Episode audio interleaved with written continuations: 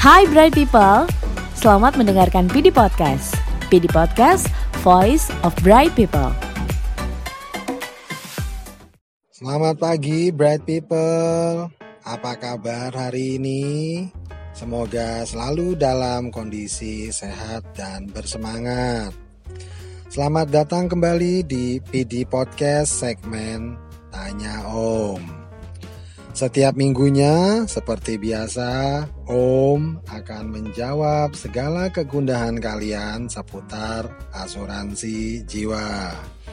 Di setiap sesinya, Om akan membahas tiga pertanyaan terpilih yang masuk melalui Instagram PD underscore people development.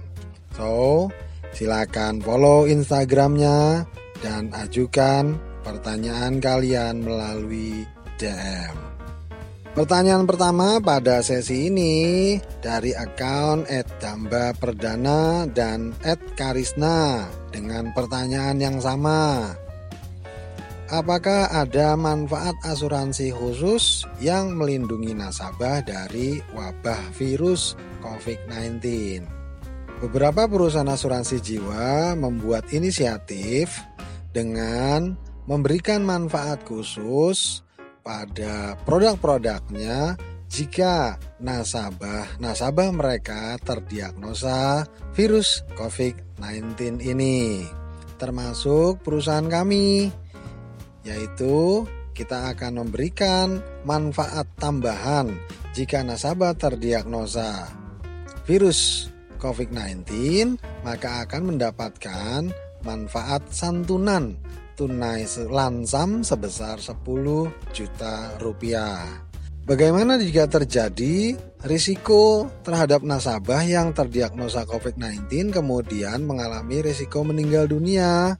Usah khawatir, karena COVID-19 atau meninggal dunia akibat terkena virus COVID-19 itu bukan merupakan pengecualian pada produk asuransi jiwa, sehingga otomatis manfaat meninggal dunia atau uang pertanggungannya akan diberikan kepada penerima manfaat atau keluarganya.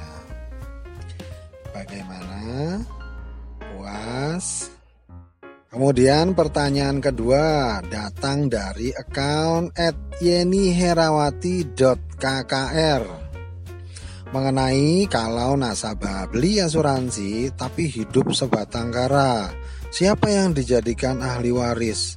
Aduh, Yeni Herawati, kasihan sekali ini nasabahnya hidup sebatang kara. Teman-teman semua mesti ingat ada tiga pihak yang mesti tercantum atau yang ada atau yang terlibat dalam sebuah kontrak asuransi jiwa. Yang pertama adalah pemilik polis. Yang kedua adalah tertanggung. Kondisi pemilik polis dan tertanggung bisa merupakan orang yang sama, bisa juga orang yang berbeda. Pihak lainnya yaitu pihak penerima manfaat. Penerima manfaat adalah orang yang jika terjadi resiko terhadap tertanggung, maka orang inilah atau pihak inilah yang akan menerima manfaat dari perusahaan asuransi jiwa. Nah, kalau ternyata nasabah, seorang nasabah tidak memiliki keluarga satupun untuk ditunjuk sebagai penerima manfaat dalam kontrak polisnya, maka kontrak polisnya belum sah. Nah, bagaimana solusi dari kondisi tersebut? Maka si tertanggung bisa menunjuk salah satu badan atau yayasan sebagai penerima manfaat. Bagaimana? Puas? Pertanyaan ketiga yaitu dari @simio.teddy yang nanya, "Om, sebaiknya premi asuransi itu dibayar berapa lama?" Ada sales asuransi yang bilang bayarnya lima kali, 7 kali, 10 kali, dan sebagainya.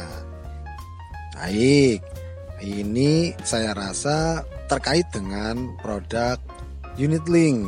di mana biasanya setiap perusahaan atau bahkan setiap sales asuransi jiwa punya strategi penjualan masing-masing di mana mereka bisa menyampaikan kepada nasabah bahwa beli produknya mereka bayar preminya cuma sekian kali dan sekian kali.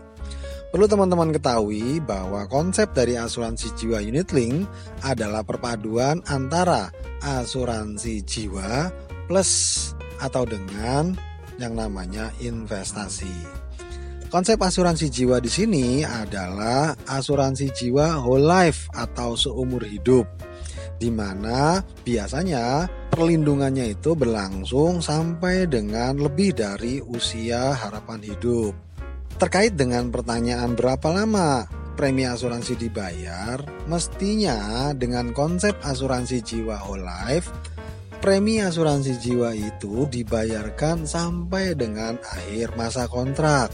Lama dong om? Iya, karena konsepnya adalah semakin lama atau semakin banyak nasabah membayar premi, maka kelebihannya adalah bahwa nasabah akan mendapatkan banyak sekali hasil pengembangan dari investasi yang dibayarkan. Sehingga biaya-biaya terhadap proteksi atau perlindungan dari produk asuransi jiwa unit link yang sedianya dibayarkan dari nilai investasi dengan melakukan pembayaran premi secara jangka panjang. Bagaimana? Puas? Nah, itu tadi tiga pertanyaan terpilih yang ditayangkan sesi kali ini di segmen Tanya Om. Kalian yang pertanyaannya ditayangkan berhak untuk mendapatkan poin tada di Real Action Tada.